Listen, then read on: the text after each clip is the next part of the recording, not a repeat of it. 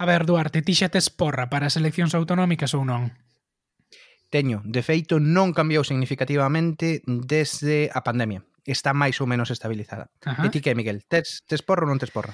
Eu teño, queres que che diga? Sí, veña, cántame. A ver, eu doulle eh, 40 o PP, 16 uh -huh. o PSDG, 13 o BNG uh -huh. e 6 a Galicia en Común. E aí queda. Non entra ninguén máis. Non entren máis, non entren nin Galeguista, nin Vox, nin Ciudadanos. Dentro dentro vale. do meu abano de, de posibilidades é así un pouco a máis optimista pensando na pluralidade, pero pero sí, eu creo que se si teño que elixir un resultado diría este. A ver, cal é a tú, Antón? A miña parecese, bueno, de feito, o resultado do PSDG temos o mesmo, quedamos a 16, pero eu doulle 41 ao PP, fronte a ti que das 40, eu doulle un máis, PSDG dá 16 os dous, o BNG tirase 13, eu dou 11, e uh -huh. ti a Galicia en Común dase 6 e eu doulle 7, ou así un poquiño un poquiño máis. Pero bueno, bastante sí, bueno, bastante mira... aliñados, eh, bastante xustos. Sí, sí. Mirando os resultados históricos, o mellor a túa ten así algo de sentido, pero bueno, despois dunha pandemia nunca se sabe. Eu por iso optei por no, claro, arriscar. son tempos, tempos volátiles. E eu non, te, non adoito gañar porras, eh, tamén cho digo ou sexa, moito falar de política, pero a hora de predicir son, son bastante desastres. Eu, eh, eu tampouco. Creo que acertara nas municipais de 2015 eh, creo que me achegara bastante, fora dos que máis me achegara. Lembro que fixéramos unha porra no xornal, na mm. opinión, e achegárame, pero quitando esa, a verdade é que nunca tuve moita sorte, no. Pois pues esas teñen mérito, eh, porque foran foran unhas eleccións volátiles. Sí, sí, foron precisamente as eleccións que entraran que entraran todas as mareas, sí, pero bueno, xa ves. Estaba estaba bueno. cubrindo a actualidade política naquel momento, entón o mellor me veo claro, así a inspiración moi, de estar metido, sobre o terreo, claro. Moi metido no sarado. Bueno, pois pues estas son as nosas porras, pero queremos abrila a todos os nosos os nosos ouvintes. Así que imos facer un concurso, unha especie de concurso. Bueno, un concurso, non sei, sí, unha especie, un concurso. Sí. Que imos sí. sortear ou que imo, que ofrecemos, que poñemos nós, Miguel? unha taza, a nosa taza do Té con Gotas, que reciben todos aqueles que se fagan un, un que sexan os nosos Amancio Ortegas, que se fagan a maior suscripción do noso Patreon, así que se si acertades, podes levar esta taza. Pero que te que, que teñen que facer para para participar neste sorteo, Duarte? Vale, pois pues isto é un, un sorteo só de Twitter. Se si tedes outra rede social, pois pues vostedes que abrir Twitter, porque non queremos andar tampouco pendientes de Facebook e Instagram. Tedes que tuitear co hashtag eh, porrate con gotas E, e bueno, nós xa aí veremos cal é a vosa, a vosa predición. Non valen horquillas, teñen que ser resultados exactos, así que nada de poñer PP entre 37 como acabamos de facernos y, agora. 37 e 40. Pois moi ben, grazas por participar. Non, queremos resultados resultados exactos. E a quen acerte, pois daráselle, darase a taza. E se acerta máis de un, pois sortaremos a taza entre os ganadores. Pois nada, con isto podemos comezar xa a nosa cobertura especial do Te con Gotas das eleccións galegas, non? Empezamos, dentro intro. Think about Brexit. What, what's that? Like? Order! The nose to the left, 432. With the light, with the music, Very welcome everybody here. a Brexit question in English, if you don't mind. Bueno, no, hombre, no vamos a hacer. Venga, adelante. ¿Quiere usted hacer el puñetero favor de largarse de aquí y de... No va usted a hacer nada ya. You like a cup of tea? Yeah, sure. Go on, have a cup of tea. Thank you, thank you. Pois, como dicíamos na intro, benvidos ao noso primeiro Té con Gotas especial sobre as eleccións autonómicas do 12 de xullo. Este vai ser o primeiro episodio dunha serie de podcast nos que imos falar con candidatos á presidencia da Xunta para saber que propostas teñen con respecto á diáspora galega, con respecto á comunidade galega migrada no exterior. Porque a verdade é que un tema do que non se fala moito nos medios tradicionais, os medios, bueno, pois que están baseados en Galiza, non adoitan cubrilo con, con moita intensidade e nos queremos achegar un pouquiño máis de luz para saber que propostas teñen para todos os que vivimos fora e tamén para axudar a xente que está fora a tomar unha decisión sobre cal é o partido que representa mellor os seus intereses tamén como, como emigrados non? Que en moitos casos pois é teñen a súa particularidade, non? E as súas necesidades específicas. Pero claro, Isto tamén implica un salto cualitativo para nós, porque como vos dicía, imos facer entrevistas a varios candidatos á presidencia da Xunta, implica tamén pois máis tempo de documentación, máis tempo de logística, xa xa vos podedes imaginar todo o que implica lidiar cos departamentos de prensa ás veces para lograr unha entrevista con candidatos. E claro, iso representa un esforzo maior para nós, pero tamén fai falta máis cartiños para que todo saia ben, non é?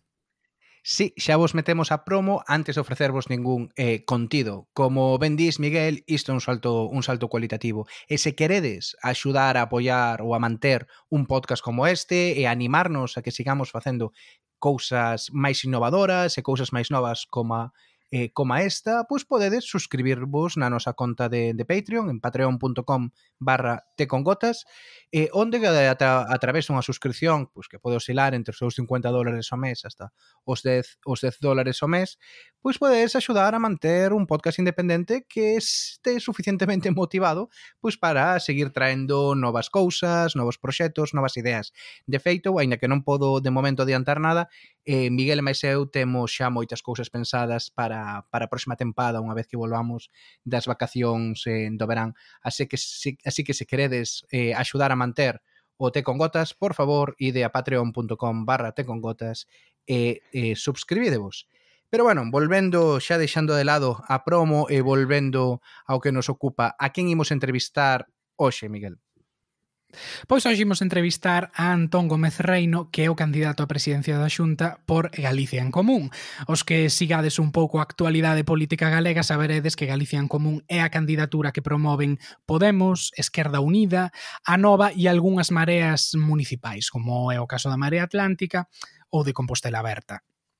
Pero ollo, aínda que os actores parezan os mesmos ou sexan os mesmos en moitos casos, non se pode confundir a esta candidatura de Galicia en Común eh, a Nova Mareas con eh, en Marea de hai 4 anos. No? A en Marea de hai 4 anos, agora mesmo unha organización independente que leva pois xente próxima a quen era ao que era o anterior, anterior eh, candidato, a Luis, a Luis Villares, e van ir nunha candidatura diferente a Galicia en Común. Van ir eh, preséntese como Marea Galeguista en coalición con outros partidos minoritarios como Compromiso por Galicia. Así que falamos de dous partidos distintos. De feito, a esta Marea Galeguista que falamos, eh, as enquisas danlle eh, cero deputados eh, de momento.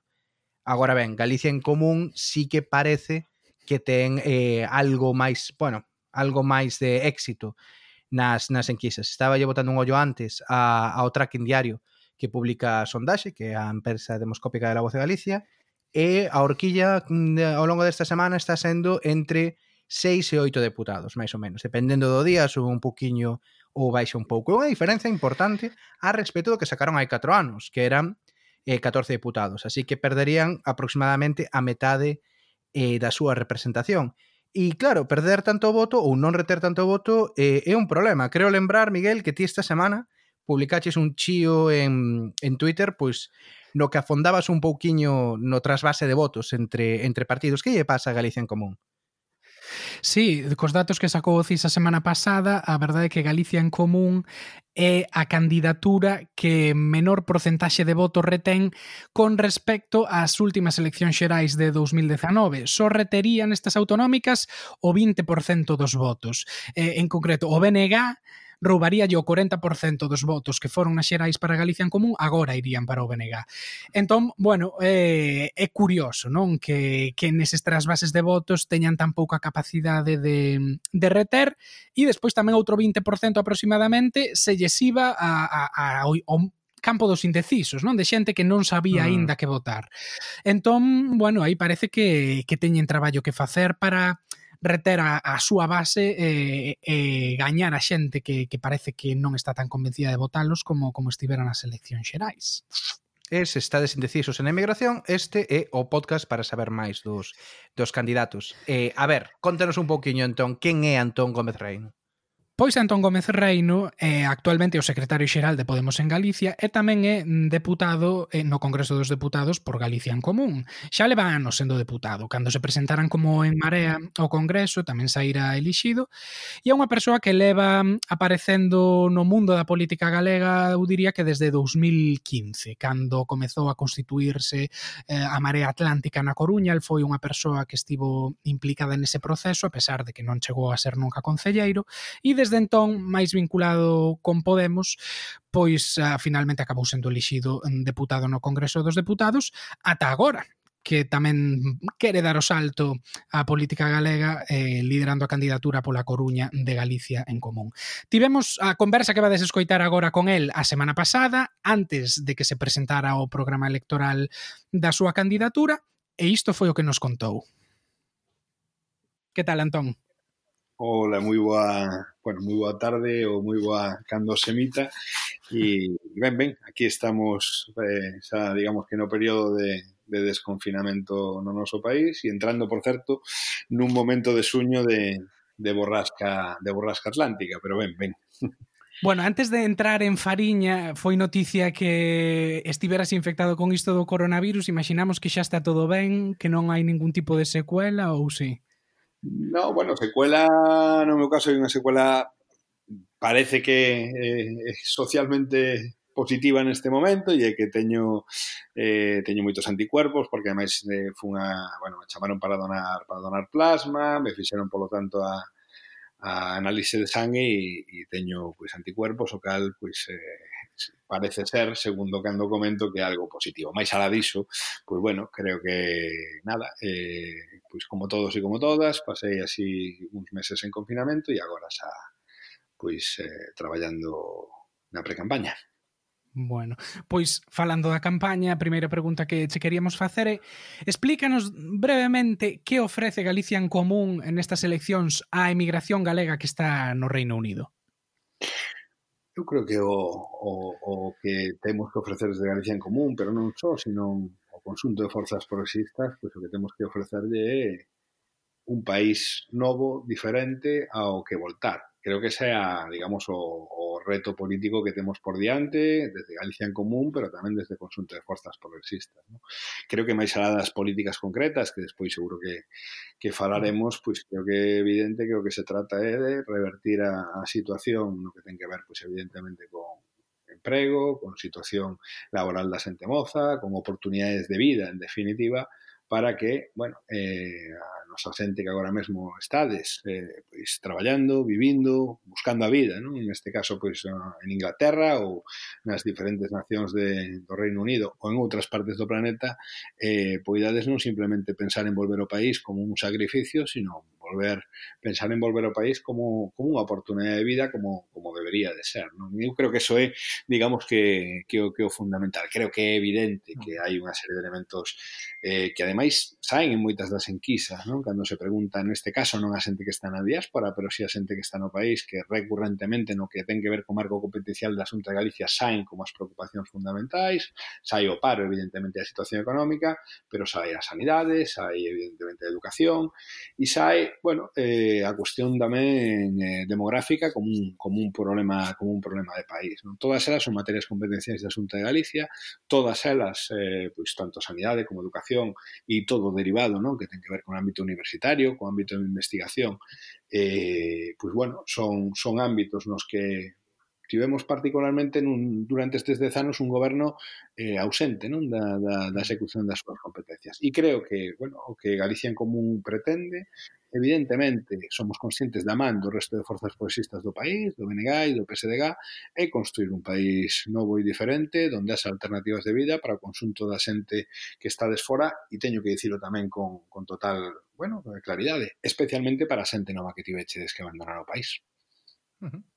Claro, fala, fala vas aí, hai un momento eh, do emprego e eh, da calidade dese, dese emprego. Unha cousa que sempre comentamos moito, Miguel e eu, pois, eh, neste podcast, é como, cales serían as primeiras medidas que se toman para crear este emprego de calidade do que falamos, máis alá, pois, digamos, as ofertas públicas eh, de emprego. Que medidas concretas aplicaría Galicia en Común pois para crear estes postos de traballo de calidade que fagan que a xente non só, como dis ti, volva por un sacrificio, senón que queira volver. Sí, eu creo que hai sala de cuestións concretas, eu creo que estamos falando de, de, de, de elementos estructurais, non? Estes, agora vou, pero estes días, non? Vemos, ou estas semanas, estes meses, precisamente, pois estamos vendo, eu particularmente, ademais, o, o vin e de alguna forma estudei en primeira persoa como presidente da Comisión de Traballo do Congreso, pois como tanto na comparecencia do, do Ministro de Seguridade Social como na Ministra de Traballo, pois o que pon de relieve é algo obvio e evidente, que a destrucción masiva de, de emprego que sufrimos no noso país e no mm. consunto do Estado nestes meses ten que ver con todo ese emprego liso, emprego basura, emprego precario, eh, que basicamente o que fai eh, que o, o modelo, digamos, laboral agora mesmo se xa absolutamente non só obsoleto, non? sino sobre todo, bueno, eh, que non permita que non permita construir un, un futuro para o consunto da xente nova. Non? Eu creo que, ademais, o, o, o dicíamos moitas veces mm. e, e o sabe ben toda a xente nova, o que non pode ser... Eh, Este, por certo, este, esta semana nun debate parlamentario eh, coincidían curiosamente forzas da dereita, da extrema dereita e algunha forza teóricamente progresista, no? que cando se falaba do ingreso mínimo vital, que evidentemente unha medida que o que vaya a combatir a desigualdade será da por tantos anos de neoliberalismo, dicían que a mellor política ¿no? de, para combatir a desigualdade era, era o emprego digno. E isto é absolutamente verdad. O que chama a atención é que o diga precisamente precisamente a dereita. Eu creo que o noso país ten que abordar, eh, indo concreto, pois, bueno, un cambio de modelo productivo. Mm. Creo que é evidente que o que necesitamos en primeiro lugar, eh, bueno, unha, e máis nun momento de reconstrucción económica e social de Galicia, é unha intervención pública decidida da economía e iso non quere dizer simplemente poñer poñer recursos públicos a disposición, digamos, da economía privada, eso quere dizer precisamente pois que o público ten que participar activamente non? Da, da economía e tamén da economía privada cando é necesario. Creo que é evidente que necesitamos nunha situación como a actual no noso país, despois de moitos anos de deslocalizacións, necesitamos relocalizacións e un, sí, un proceso de, de reindustrialización no noso, do noso país, Creo que, bueno, eh, hai moitísima xente que, bueno, que tamén eh, no noso país os sectores productivos primarios eh, pois, bueno, necesitan evidentemente pois dun goberno que os defenda, que os potencie e que tamén nese ámbito, pois, bueno, eh, digamos que vaya a pelear no ámbito no ámbito europeo e despois necesitamos evidentemente medidas que teñen que ver pois co que falábamos antes, non? Fomento da investigación, temos, eh, bueno, un tecido investigador moi importante que como se sabe perfectamente, pois estamos despregando por moitas partes do por moitas partes do planeta, polo tanto que necesitamos é, eh, bueno, poñer pas, poñer cartos eh, no ámbito investigador. E despois moitos dos sectores ademais públicos que nestes eh, que nestes meses vimos como absolutamente esenciais, falo da sanidade, pero tamén falo da educación, eh, pois moitos deles ademais sofren tamén, eh, sofren tamén, sufriron pois a, a sangría da emigración, cantos, eh, non? Cantos rapaces, cantos rapazas, eh, mozos e mozas, pois eh, médicos, enfermeiras, etcétera, etcétera, do noso país están agora mesmo fora e ademais nos atopamos que nun momento no que hai que reconstruir o tecido da saúde da sanidade pública no noso país, pois incluso está se está empezando a falar da posibilidade de que esa carencia de profesionais non eh, para mm. a sanidade pública galega. Por lo tanto, temos que poñer tamén bueno, medidas para, para que toda a nosa xente nova que, que está agora mesmo fora do país, noutras sanidades ou noutras universidades, poida, poida volver dunha vez por todas a, ao noso país con oportunidades de vida. E falando dese cambio do modelo produtivo do que mencionabas, é algo do que tamén dá moita sens a sensación de que xente de distintas forzas políticas e distintas ideoloxías leva comentando de que é importante cambiar o modelo produtivo xa case esa crise de 2008. Na, na, na túa opinión, eh, nos primeiros 100 días dun goberno de, de Galicia en común, de todas estas cuestións que comentaches, cal sería a primeira política que aplicarías nos primeiros 100 días para comezar pois, cun cambio do modelo produtivo, que evidentemente é algo que leva, que leva tempo? sempre sempre negome un pouco a decir cal sería cal sería a medida, non por primeiro porque ademais xa que estamos aquí en confianza neste podcast, non? Primeiro porque eu creo con total eh, claridade que si algo é sería positivo, sería unha mensaxe positiva para o consunto do, da cidadanía progresista do noso país, sería que as forzas progresistas, que evidentemente estamos chamadas a, a cooperar e a gobernar, pois, por exemplo, fóramos quen de ter un decálogo de goberno pois, previo incluso a, a campaña electoral que dera unha mensaxe clarísima aos galegos e as galegas de que, bueno, eh, despois de que do 12 de suyo, si gañamos as eleccións ao bloque progresista, non nos vamos a pelear por consellerías, sino que en todo caso vamos a traer os deberes feitos a nivel a nivel, a nivel programático. En todo caso, dito isto, bueno, eu levamos unha medida que creo que sí que é moi importante, eh, que ten que ver bueno, coa xente moza, pero que tamén ten que ver coa, ten unha, digamos, un capítulo que ten que ver coa xente que está desfora, que está desemigrados e emigradas, no? E é unha medida que, bueno, unha serie, unha serie de paquetes eh, que teñen o compromiso de que no primeiro ano da legislatura eh, se poida garantir que todo menor de 30 anos do noso país que así o desese se poida emancipar e, polo tanto, poida ter acceso a unha, unha vivenda, evidentemente, estamos falando unha vivenda en réxime de alugueiro.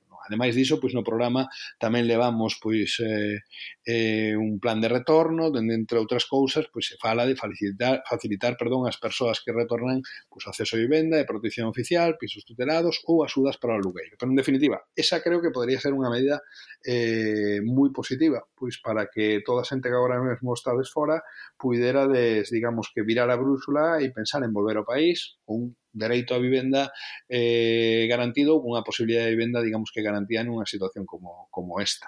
E o digo de verdade, que dizer, son moitas as medidas para cambiar o, o sistema productivo o sistema productivo do país, eh, cal sería a primeira? Pois non o sei. Se me preguntaras eh, agora mesmo electoralmente, pois te diría probablemente nos levamos, porque levamos no programa, unha lei antideslocalizacións. E probablemente pois agora mesmo podría ser unha, unha das medidas que habría que despregar no primeiro momento entre outras cuestións porque o día 12 de xullo intúo que lamentablemente a situación de, da planta de Arcoa San Cibrao, da planta de Aluibérica na Coruña, pois non vai estar non vai estar solventada.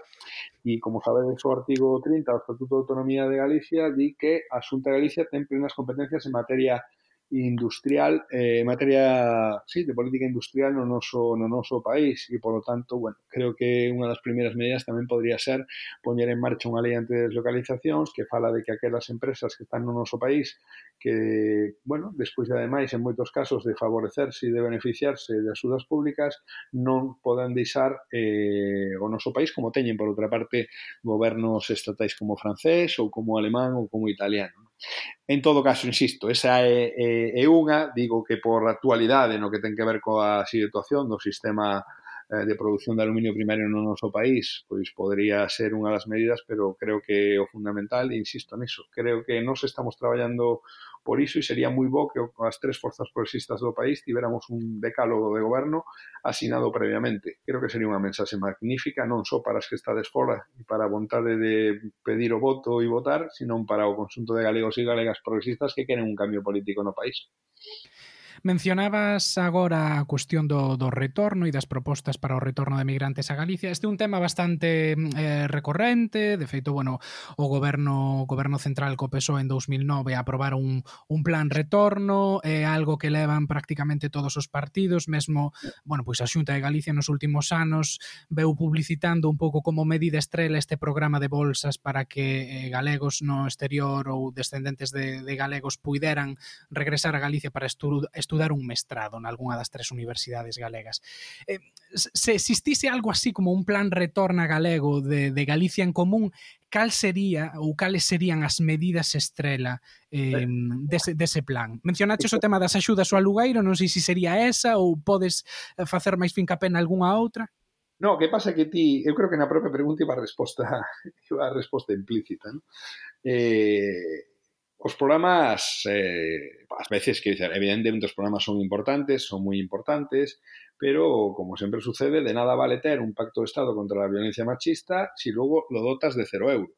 Ou eh, de nada vale ter no programa político do Partido Popular, que, que goberna a Xunta de Galicia desde fai moitos anos, ou do resto de partidos políticos, un plan retorno, se si despois, en realidade, eh, non tes o compromiso claro de dotalo de partidas orzamentarias, pero con, con decisión con decisión política. Entón, eu creo, claro, eh, nos claro que levamos un plan de retorno con unha serie de, de cuestións, ou levamos, por exemplo, pois unha secretaría xeral eh, diferente a que hai agora mesmo que secretaría xeral eh, de migración e sería unha Secretaría Xeral de Cidadanía Migrante, bueno, unha serie de cuestións, un paquete de medidas, pero como, como dicía, creo que o fundamental dun plan retorno que realmente se crea, que temos que apostar, porque, bueno, a nosa xente moza e non tan moza, que está agora mesmo fora xerando valor, xerando riqueza e desenvolvendo a súa vida a volte, para iso fundamentalmente o que se necesita é unha inxente mobilización de recursos públicos. Antes falaba da,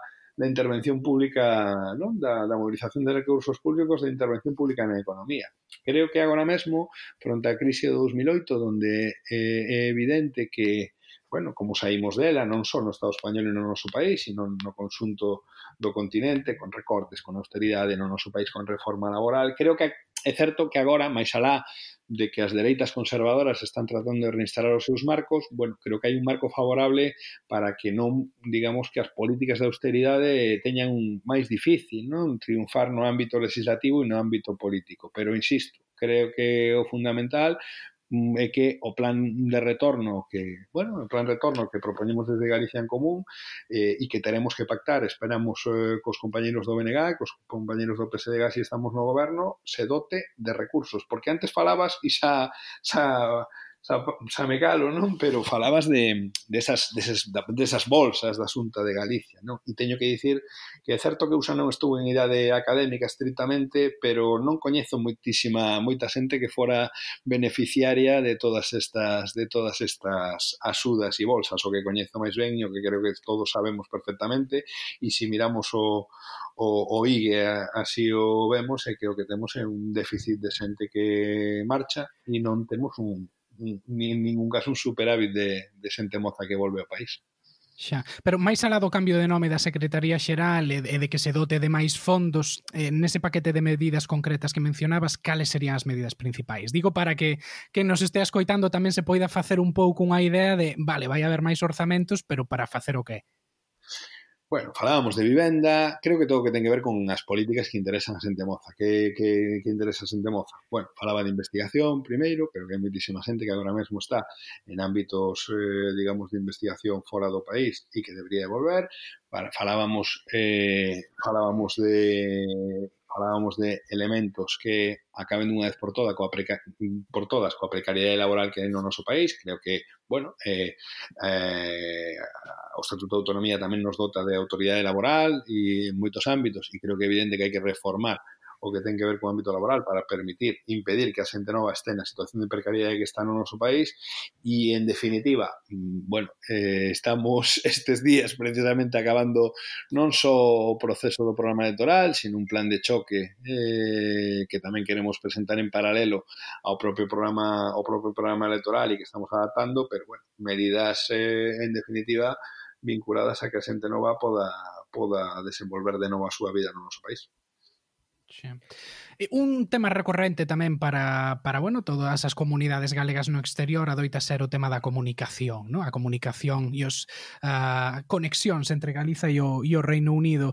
Nos últimos anos tense falado moito pois das um, a falta de cooperación entre os tres aeroportos galegos, entre os concellos, entre a Xunta de Galicia, subvencións a unhas aerolíneas para beneficiar a certas conexións. Aconteceu co caso de Vigo, por exemplo, que había un voo directo a Edimburgo eh, mm. bueno, subvencionado que durou uns meses en canto o concello deixou de, de poñer cartos aí. Non sei se desde Galicia en común hai algún tipo de plan eh, para mellorar, para facer máis estables, eh, máis asequibles, eh, máis frecuentes as conexións entre Galicia e os aeroportos eh, británicos neste caso. A verdade é que, bueno, creo que o que lle deberíamos de, en primeiro lugar, de ofrecer aos galegos e as galegas que están no exterior é agora mesmo, e ademais os que estades no, bueno, no, no, no, no Reino Unido e con toda a situación derivada do Brexit, non? é o noso compromiso respecto de, de que teñades, ademais de posibilidade de, digamos, de volver, visitar a familia, pois todos os dereitos de cianía garantidos, non? Nunha situación como esta. Eso é o primeiro.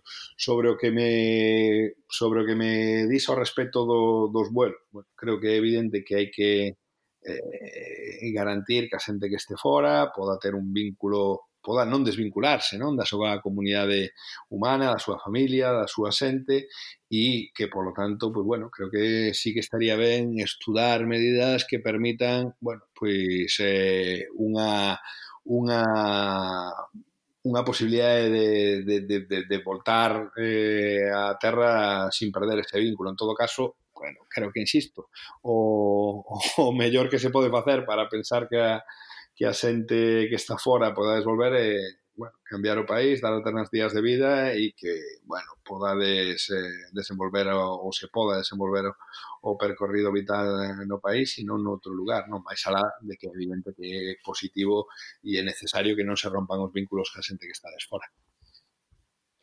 E, bueno, non sería... Sí, un... volver, a partir de agora poderedes volverse aos sabedes ao aeroporto Rosalía de Castro.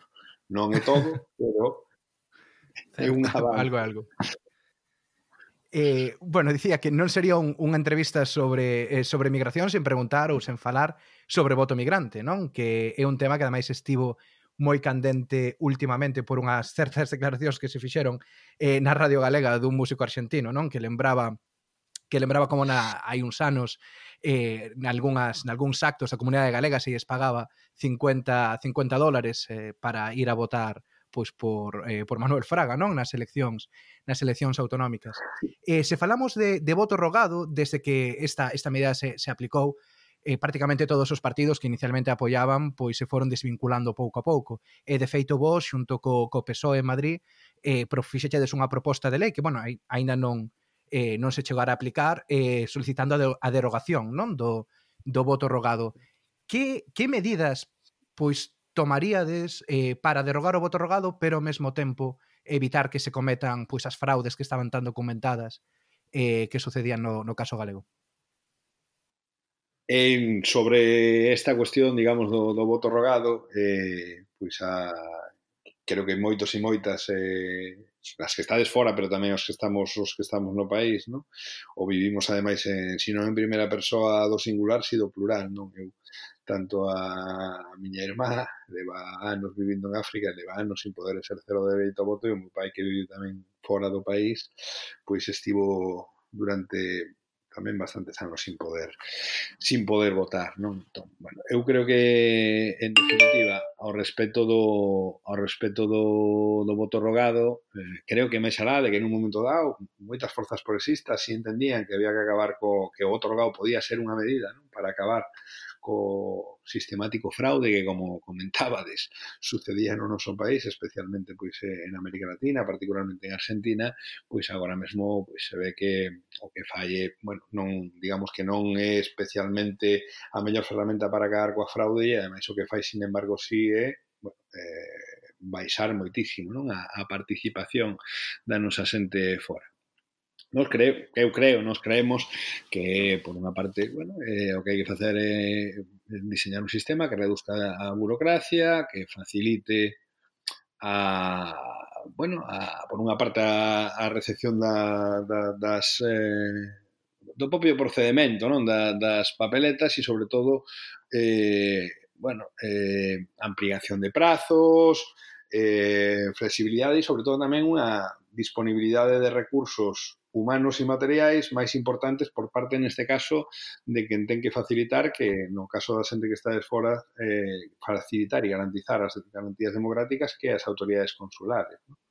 Entón, bueno, eu creo que nese sentido, ademais tendo en conta que nas últimas eleccións nas que houve un vuelco progresista no noso país, tivemos que estar esperando unhas cantas semanas a que chegara o voto cera para saber si derrotáramos ou non, como finalmente se sucedeu felizmente a Manuel Fraguer Ibarni, pois creo que sería positivo que, que bueno, nas próximas eleccións autonómicas no noso país houbera eh, un sistema sin voto rogado, pero con maiores prazos, maiores medios humanos eh, e materiais nas, na, nos ámbitos consulares para que toda a xente que está fora puidera, puidera votar e, e, bueno, en definitiva, garantías para que todos aqueles que queredes votar eh, podades facelo libremente e para que non suceda o que estivo sucedendo durante moitos anos eh, na comunidade galega, especialmente nun país como Argentina, donde, bueno, pues as diferentes redes clientelares do Partido Popular funcionan. Non só so eh, estaba agora falando e me acordaba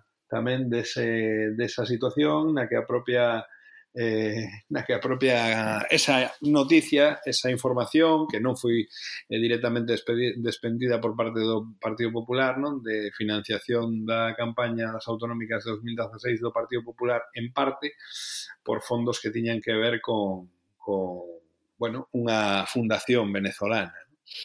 Bueno, eso xa sei que é outra cousa, pero creo que temos unha comunidade exterior moi relevante e deberíamos de, digamos que de establecer medidas tamén de regeneración democrática para todo o que ten que ver con a nosa relación con a xente que está fora. Ah, claro, pero perdoa que che, que che, que che insista no tema da fraude, sí. pero claro, nunha comunidade como a galega que ten o 17% do censo está no exterior, é particularmente importante, máis que noutras comunidades no Estado, pois que ese voto se produza con todas as garantías. Entón, a min gustaríame que, que se podeses clarificar un pouquiño que tipo de medidas concretas habería pois para evitar, eh, por exemplo, que unha persoa que xa faleceu e que aínda non estea actualizada no censo electoral, pois que reciba as papeletas de votación, que é o que pode pasar se as papeletas envían de oficio, como xa pasou con moita frecuencia en, en períodos anteriores. O censo electoral galego tiña unha desproporción non de xente maior de 100, 105 anos, que claramente era problema de que o censo non estaba actualizado.